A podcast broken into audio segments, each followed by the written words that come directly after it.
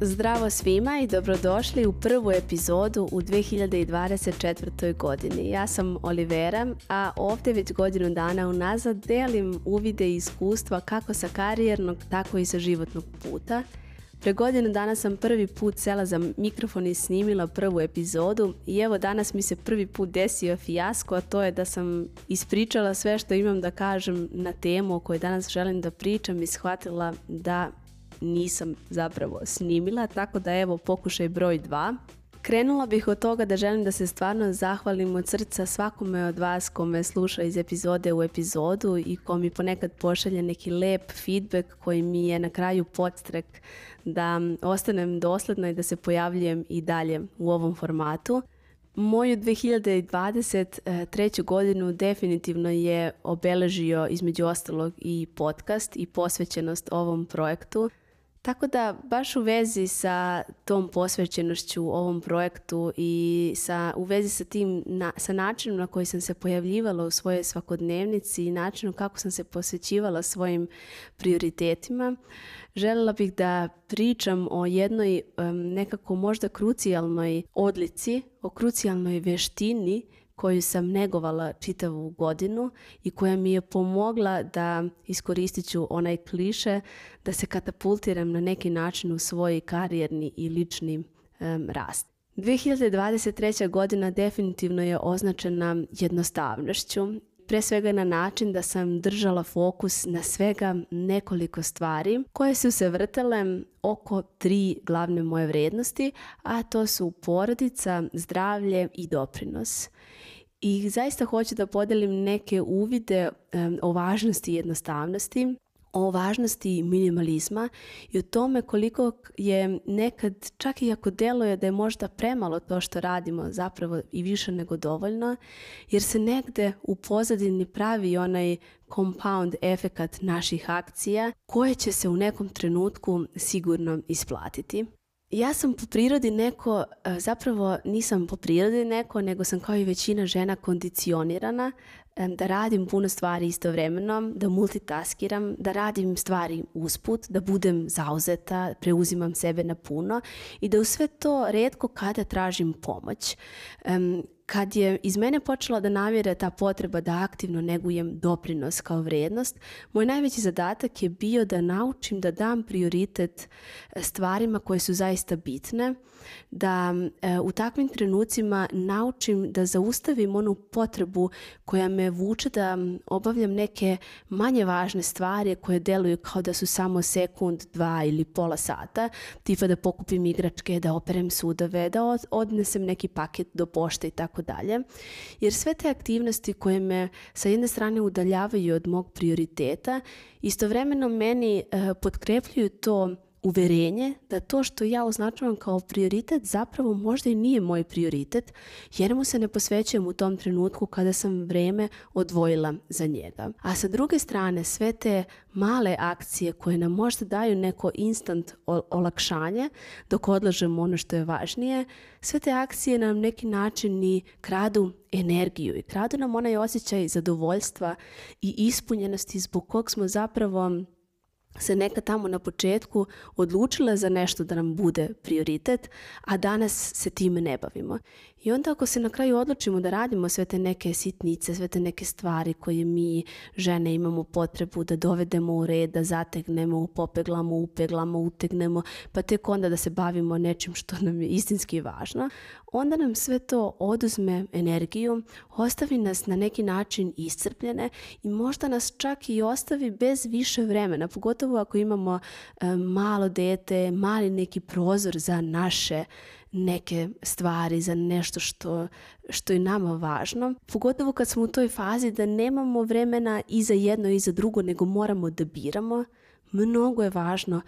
u takvim trenucima e, iskočiti iz tog lupa iskočiti iz tog nagona da se bavimo nečim drugim i ostati dosledan, ostati fokusiran na ono što je stvarno važno. Ja sam sebe e, prethodne godine iznova svakodnevno podsjećala šta su moji prioriteti i bukvalno sam sebi davala dozvolu da se bavim nečim drugim tek kad to najvažnije završim. I to je za mene bio jedan takav game changer, iako to deluje jednostavno. To mom suprugu koji ima potpuno drugačiji mozak, deluje sasvim prirodno, sasvim normalno. Za mene to nije bilo prirodno i nekako sam morala iznova da negujem tu misao i to uverenje i poverenje šta je važno da se uradi, šta će me zaista odvesti napred i šta će me na kraju zaista ispuniti i šta će doprineti ne samo mom životu, nego životu i moje, moje porodice. I sve te akcije koje su za mene bile najvažnije vrtele su se oko porodice, oko toga da odem na trening redovno, da se zdravo hranim, da provodim mnogo vremena u prirodi, to je za mene bukvalno ono kao dnevna doza neke e, interne terapije u toj e, interakciji sa prirodom. To je za mene vrijeme kad se ja osjetim da sam nekako centrirana, uzemljena. Te šetnje po šumi bukvalno su trenuci kada imam utisak da se onako kao kroz sito provučem svoje biće i sve ono što mi više nije potrebno prosto nekako ode od mene. I u kontekstu doprinosa to je bilo na početku samo snimanje podcasta. Dakle, moja strategija za svakodnevnicu, za, e, za način kako se pojavljujem ujutru do večeri kad odem da spavam je bila krajnje jednostavna. Znala sam e, koje vrednosti želim da negujem, znala sam koji su mi prioriteti i znala sam koje akcije treba da pravim, šta treba da radim da bih živela te vrednosti i da bih poštovala te svoje prioritete. Druga stvar je ono o čemu sam često, često pričala u prethodnim epizodama, to je da sam raščlanila korake na dovoljno jednostavne i male akcije da prosto nekako nisam mogla da pronađem izgovor da ih ne odradim u toku dana jer je bilo nekako vrlo jednostavno posvetiti im se. I to je mnogo važno kad si mama, kad imaš malo dete, kad ne znaš koliko dugo će te da spava popodne, kad ne znaš kakva će noć biti i koliko ćeš biti sutra odmorna ili umorna. Ti mali zalogaj kojima um, otarošavaš svoje zadatke su bukvalno kao tiha voda koja roni breg beg i toliko se skupi na kraju e, tih malih akcija, malih koraka, da onda dođe taj trenutak kad osetiš rezultat, iako si pre toga mnogo često mislila kako nije dovoljno, kako bi možda trebalo više, kako je to malo, te misli da nije dovoljno i da je malo će se uvek javljati, jer naravno da uvek možemo da odradimo više. Pitanje je samo po koju cenu i da li smo spremne da platimo tu cenu. Da li sam ja spremna da odjednom snimim pet epizoda podcasta, da mi se posle toga bukvalno puši mozak i da nemam želju da priđem mikrofonu zato što sam uh, se previše istrošila, zato što me boli grlo, zato što sam tolikom posvećenošću podcastu možda izgubila vreme koje, koje bih iskoristila za neki drugi prioritet, za vreme sa porodicom, za trening i tako dalje. Tako da uvek se negde vraćati tome da e, postoje te misli koje će uvek da se pojavljaju, koje će uvek da nam zvocaju, ali na nama je taj izbor da se odlučimo za one koje su na neki način, ne na neki način, već na jedan dobar pravi način podržavajuće za ono ka čemu stremimo i za način na koji želimo da živimo naš život. Još jedna vrlo važna stvar, osim te da su akcije dovoljno odradive, dovoljno male, jeste da eliminišemo sav višak akcija i to je opet vezano za ono koliko je zaista dovoljno, jer mi volimo da pretrpamo naš raspored, volimo da napravimo pa bukvalno rečeno obilaznicu do cilja, volimo da unesemo kompleksnost u nešto što može biti jednostavno i nekad nam deluje neverovatno da do nekog cilja može da se dođe na neki tako simplističan način, pa onda mozak počne da izmišlja još neke dodatne korake kako bi sve to izgledalo nekako prividno moćnije, smislenije, realističnije i tu je mnogo važno da se ne prevarimo. Mnogo je važno da nekako e, zaista osvestimo šta je u svemu tome višak. To je kao e, na početku kad sam ja počela da se pojavljujem online, Ja sam izabrala samo jednu platformu. Izabrala sam za dug sadržaj ovaj podcast i za kratak sadržaj sam izabrala Instagram, ali tek nakon nekih 7-8 meseci. Ja nisam izabrala da se pojavljam i na Instagramu, i na Twitteru, i na TikToku i ne kažem da to za nekoga nije moguće, da to za nekoga nije prava strategija, ali za mene u takvoj sezoni života, u takvom trenutku je značilo um, da time povećavam verovatnoću da ću da odustanem, jer sam prosto u takvoj sezoni života kad nemam toliko vremena. I onda sam se držala bukvalno toga da kačim podcast na Spotify i Apple E, podcast i tek od ovog januara ja počinjem polako da kačim epizode i na YouTube. I dugo, dugo nisam bila aktivna ni na jednoj brzoj mreži tipa Instagram i tako to i tek sam od pre par meseci počela malo češće da e, kačim i tamo neki sadržaj, prosto u skladu sa tim kako je rastao moj kapacitet. Sve ono što je pre godinu dana za mene bilo višak, to je značilo da je to nešto što me može zamoriti, iscrpeti, preplaviti i učiniti bukvalno da pomislim kako ja možda ipak nisam za ovaj online svet, kako je sve to previše, e, prenaporno, a zapravo je sama strategija ta koja je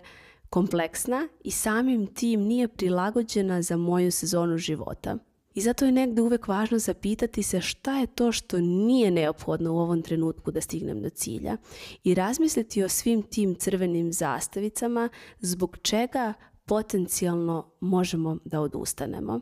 Ono što je u tom pristupu mene najviše pokušavalo da sabotira, što sam spomenula, sad mi je malo teško da pratim svoj tok misli zato što pričam drugi put pa ne znam šta sam, šta sam prvi put rekla, šta sad nisam rekla. Uglavnom, ono što je mene najviše sabotiralo u tome jeste ta, ta uverenja da radim premalo stvari i nekako osjećaj da nisam previše zauzeta, osjećaj da ne ulazim u burnout i mozak je bio u fazonu kako tako lako, kako tako jednostavno, zar um, mogli bi više da radimo i brže da postižemo rezultate, ali što bolje osvestimo te saboterske misli koje žele da nam ugroze tu jednostavnu strategiju, to ćemo ih lakše loviti lakše ćemo ih hvatati i bit će nam sve lakše da ih eliminišemo, jer takve misli fakat uvek dolaze. Ali kad mi naučimo da se krećemo sa njima, kad mi naučimo da je to onaj deo mozga koji nas želi da zaštiti i da nas ostavi tu gde jesmo, bla, bla, bla, sve, sve to već znamo, ali onda kažemo ne hvala ti, evo ja biram ovu misao, biram ovu koja je podržavajuća za ne samo da, za taj moj cilj, već za proces kako ću da dođem do tog cilja. Šta to znači? To znači da ja biram kakav će da bude taj proces. Ja biram da taj proces bude mekan, nežan. Biram da u tom procesu budem čila, odmorna, raspoložena. Biram da se u tom procesu osjećam da je dovoljno to što radim i da ja vredim dovoljno, da vredim onoliko koliko vredim, nezavisno od toga da li sam ja na kraju dana mrtva, umorna ili sam dozvolila sebi da na neki način deluje kao da ležerno idem kroz dan i da malo radim, a zapravo radim mnogo pametnije. Jednostavnost e, deluje da nema dovoljno moćan efekat, zato što ne vidiš instant rezultate i izazovno je nositi se sa tim u kulturi gde su na ceni instant brza rešenja, gde ljudi nemaju dovoljno visoku frustracijonu toleranciju, misle da sve treba da dobiju lako i na lak način – Pravi rezultati, oni koji menjaju naš život iz korena na način kako želimo, dolaze iz posvećenosti, iz vere da ćemo ostvariti rezultate tom doslednošću u onim najdelotvornijim akcijama, a ne tako što ćemo da se raspršimo na što više stvari i strana i da tako zapravo negujemo taj osjećaj da smo zauzeti, ali da nismo efektivni. A jednostavnost ima mnogo više veze sa efektivnošću, sa znanjem šta nas zaista vodi napred, koje akcije imaju smisla, a potom učestalost uh, tih akcija i brzinu, način kako ćemo mi njih da deliverujemo, stavljamo u kontekst našeg života – na koji način da rasporedim ove zadatke, ove akcije da budu za moj život održive. Ne da budu održive za uverenja da sam brza, zauzeta, da sam vredna, već da su održive. A to znači da minimalizujem verovatnoću da ću da odustanem, a da ujedno kreiram što je efikasnije rezultate koje želim. Ja definitivno u narednoj godini nastavljam da negujem jednostavnost, nastavljam da primenjujem svoju strategiju. Ehm, ove godine naravno imam više poverenja, logično je, jer sam u prethodnoj godini sebi dokazala tu potentnost kad si zaista posvećen na takav način. Pokazala sam sebi koliko je fokus kvalitetan, istančan, koliko obavlja posao na nekom vrhunskom nivou kad nema ometača u vidu zilion akcija i misli koje nam ne služe I u tom smislu je lakše jer imam bazu, imam rezultate i danas evo baš 10. je januar, plan je bio pre dve godine da se na današnji dan vratim na svoj stari posao, a ja danas zbog e, tog svog jasnog, konciznog, minimalističkog pristupa svoje svakodnevnici korak po korak živim od svog online biznisa I, i tekako kako ja rastem, kako ja idem na viši nivo, kako i moj život e, ide na neki viši nivo i biznis, samim tim se nekako i ta definicija jednostavnosti menja i to mi je nekako važno da naglasim da mi nekad uđemo u taj neki rigidan zahtev da samo skontamo tu neku formulu i jednom kad dođemo do te formule koja radi, sve će ići lako, nikad više ništa neće biti kompleksno ni teško, ne u stvari tako. Prosto e, to je živ odnos, ta jednostavnost i naš odnos prema njoj. To je nešto što se menja i kontinuum na kome uvek treba da radimo. I želim još da kažem da greške u tom smislu, uslovno rečeno greške da sebe precenimo ili pocenimo, To je sastavni deo puta i one su onaj faktor koji nam daje informacije koje ćemo da primenimo kako bismo nadalje bili što efikasniji, kako bismo izbrusili tu definiciju jednostavnosti i kako bismo je što nekako fluidnije živali kroz našu svakodnevnicu. Ako ne znate odakle da krenete, krenite od svojih vrednosti i prioriteta. Neka vam oni budu kristalno jasni, a onda revidirajte vaše ciljeve, da li su u skladu sa tim vrednostima i prioritetima. E, podsjetite se vaših želja, čemu težite i onda se osvrnite za tim akcijama koje mislite da su neophodne da biste negovali te vrednosti da biste postigli te ciljeve. I za svaku od tih akcija zaista se vredi zapitati da li je zaista neophodna i da li može ipak jednostavnije. Možete čak i da zapišete neke korisne misli na temu jednostavnosti koje će vam onda nekako biti podrška i koje ćete kad vam je potrebno izvući kao resurs u trenucima kad mozak bukvalno kao poplava počne da izbacuje one sabotirajuće misli, da proces mora da bude kompleksan, da mora da bude teško, da moramo da budemo zauzeti i umorni, da multitaskujemo i tako dalje, zaista ne moramo i naš je e, izbor da odstranimo tu mogućnost da to ne bude naš izbor, da se odlučimo za jedan mnogo eh, mekši, mnogo prirodniji pristup našem životu, ne samo našim ciljevima, jer na kraju kad na takav način težimo jednostavnosti u životu,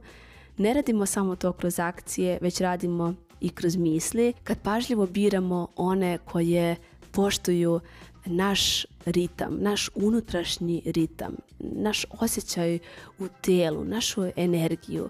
način kako mi možemo da funkcionišemo, šta je za nas prirodno. Naročito za žene koje imaju validnu i važnu potrebu da se ostvaraju paralelno u više svojih uloga,